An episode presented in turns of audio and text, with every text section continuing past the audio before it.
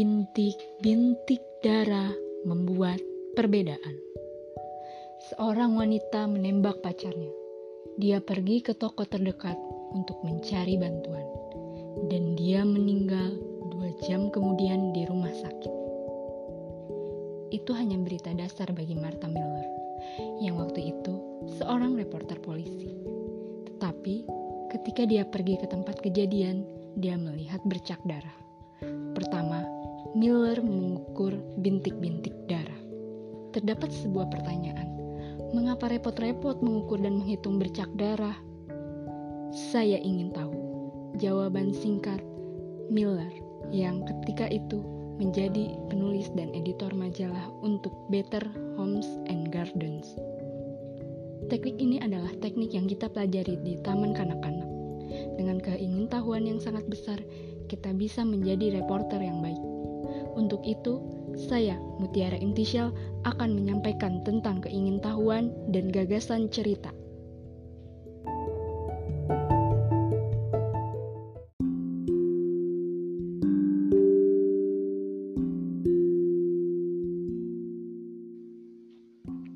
Pada bagian pertama, saya akan membahas curiosity atau keingintahuan. Untuk menunjukkan, kita harus memperhatikan. Untuk menunjukkan dan memberitahu, kita harus penasaran.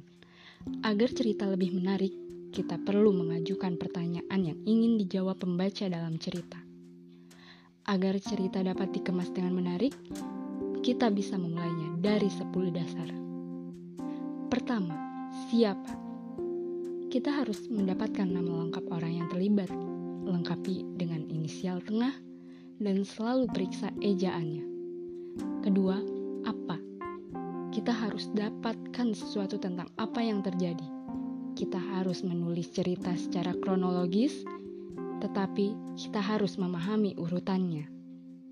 Ketiga, kapan? Kita perlu mencatat hari dan waktu acara. Keempat, di mana?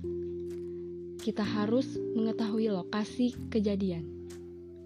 Jelaskan adegan atau peristiwa itu kita mungkin harus mengumpulkan detail spesifik tentang lokasi. Kelima, mengapa? Kita harus memahami apa yang menyebabkan acara tersebut, apa konfliknya, dan apa resolusinya. Keenam, bagaimana? Artinya, dengan mencari lebih banyak informasi tentang apa yang terjadi, bagaimana itu terjadi, dalam urutan apa acara dibuka. Ketujuh, jadi apa? Hal ini berkaitan dengan apa dampak acara ini terhadap para peserta. Apa dampaknya pada pembaca? Apa yang membuat cerita ini bernilai berita atau signifikan? Apa yang perlu diketahui pembaca untuk memahami dan peduli dengan cerita kita? Kita tidak dapat menjelaskan acara kecuali kita memahaminya sendiri, dan kita tidak bisa memahaminya kecuali jika kita menggali jawabannya. Kuncinya adalah dengan melepaskan keingintahuan kita. 8. Bermain peran.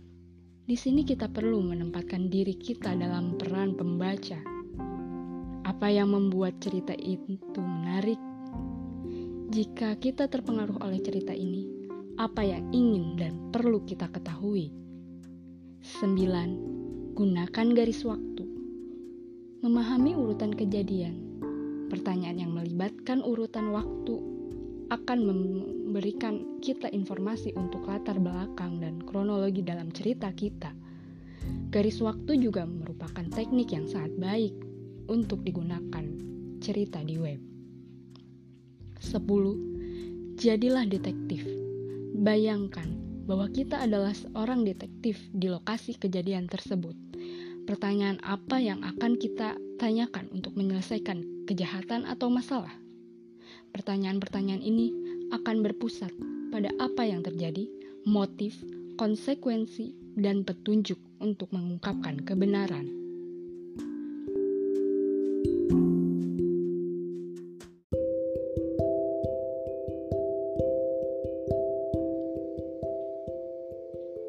Pada bagian kedua, berbicara mengenai pengamatan. Penulis yang baik harus menjadi reporter yang baik terlebih dahulu, dan reporter yang baik dapat mengamati dan mengumpulkan detail dengan semua indera mereka. Ada lima hal yang menjadi sorotan ini. Pertama, teknik tampil beraksi. Jika kita ingin pembaca memvisualisasikan sumber atau adegan kita, salah satu teknik terbaik adalah menunjukkan orang tersebut dalam aksi. Teknik ini lebih umum digunakan dalam cerita fitur dengan penulisan deskriptif. Kedua, memperhatikan apakah suatu berita itu soft news atau hard news. Kita harus melakukan pengamatan yang lebih mendetail mengenai kategori berita yang ditampilkan. Ketiga, fakta versus opini. Kita perlu menggunakan pengamatan untuk mengumpulkan fakta dan detail tentang suatu kejadian. Tetapi, kita tidak boleh mengungkapkan pendapat kita tentang apa yang kita lihat. Kita harus membedakan mana fakta, mana opini. Yang keempat, pengamatan untuk menemukan suatu pertanyaan. Gunakan observasi sebagai alat pelaporan, bukan hanya sebagai bahan untuk menulis. Saat kita mengamati tindakan atau detail di sebuah adegan, pertanyaan apa yang muncul pada kita? Kelima, pengamatan untuk presentasi visual. Ketika kita berada di lokasi suatu peristiwa, akan banyak pertanyaan yang akan muncul di benak kita. Yang tak kalah penting adalah ide-ide untuk foto atau ilustrasi grafis yang menarik agar pembaca pun menyukai cerita kita.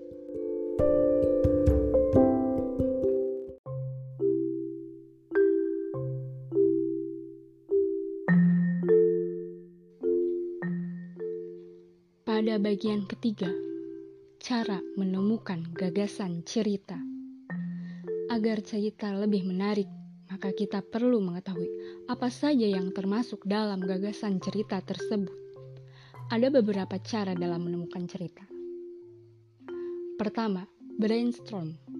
Kita harus mendiskusikan ide untuk cerita dengan siswa lain dan dengan orang-orang di sekitar kita dengan mengajukan beberapa pertanyaan apakah ide yang telah kita pikirkan sudah menarik? Kedua, periksa basis data.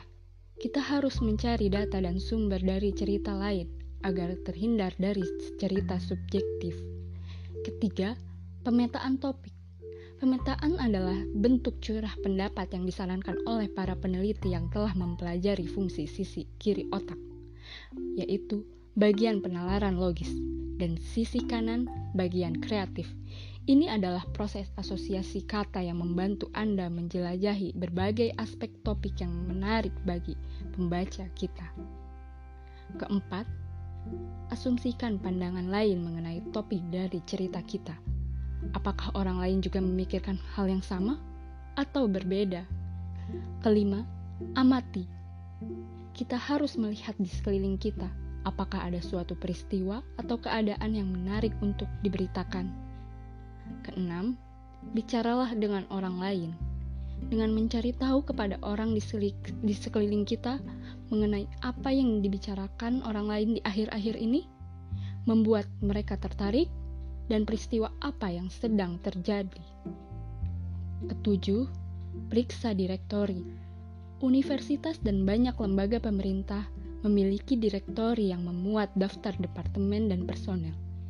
Kita bisa mencari tahu apa yang layak dan menarik untuk diberitakan. 8. Kita harus membaca koran lokal dan tonton stasiun berita TV lokal. Apakah sebuah berita memberi kesan sudut yang dapat dikembangkan menjadi cerita yang terpisah?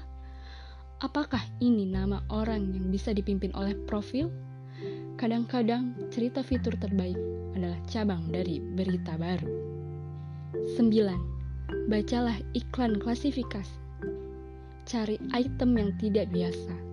Sebuah iklan di surat kabar kampus tentang layanan untuk memberikan makalah bisa membuat cerita investigasi yang baik. Iklan lain tentang adopsi, riset yang tidak biasa, atau layanan baru dapat menghasilkan berita. Kesepuluh, Lokalisasi berita nasional. Apakah ada kisah nasional yang dapat Anda terapkan di daerah kita? Apa sudut lokalnya? Apa reaksi orang-orang di komunitas kita? Pemilihan umum, tragedi, terorisme, perang, dan acara nasional lainnya semuanya dapat dilokalisasi dengan berfokus pada orang-orang yang terlibat. 11. Carilah profil. Kita harus mencari adakah seorang yang layak untuk diberitakan karena prestasinya?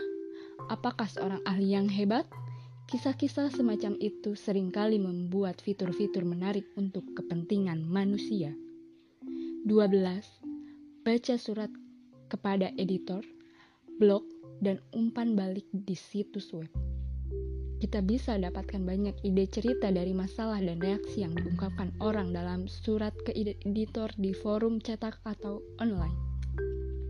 13 kita bisa melacak program dan acara. Apakah ada suatu program atau acara yang dapat memberitakan cerita kita kepada publik agar cerita yang kita buat dapat terekspos dan dapat dikenal oleh halayak secara luas. 14. Kita harus merilis berita. 15. Ikuti isu dan tren. Apakah ada masalah di kampus atau di komunitas kita yang mencerminkan masalah nasional? Apakah ada berita lokal yang mencerminkan masalah yang lebih besar? 16. Penasaran dan peduli. Rasa penasaran dan peduli akan mendorong kita pada berita-berita yang menarik dan berkualitas.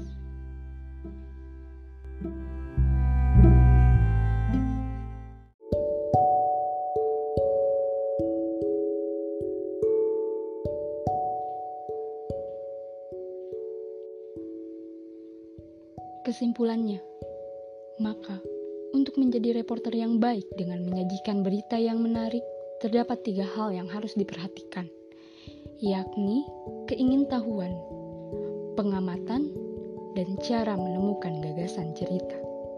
Semoga ini dapat bermanfaat untuk Anda. Saya, Mutiara Intisyal Amatullah, pamit. Sekian dan terima kasih.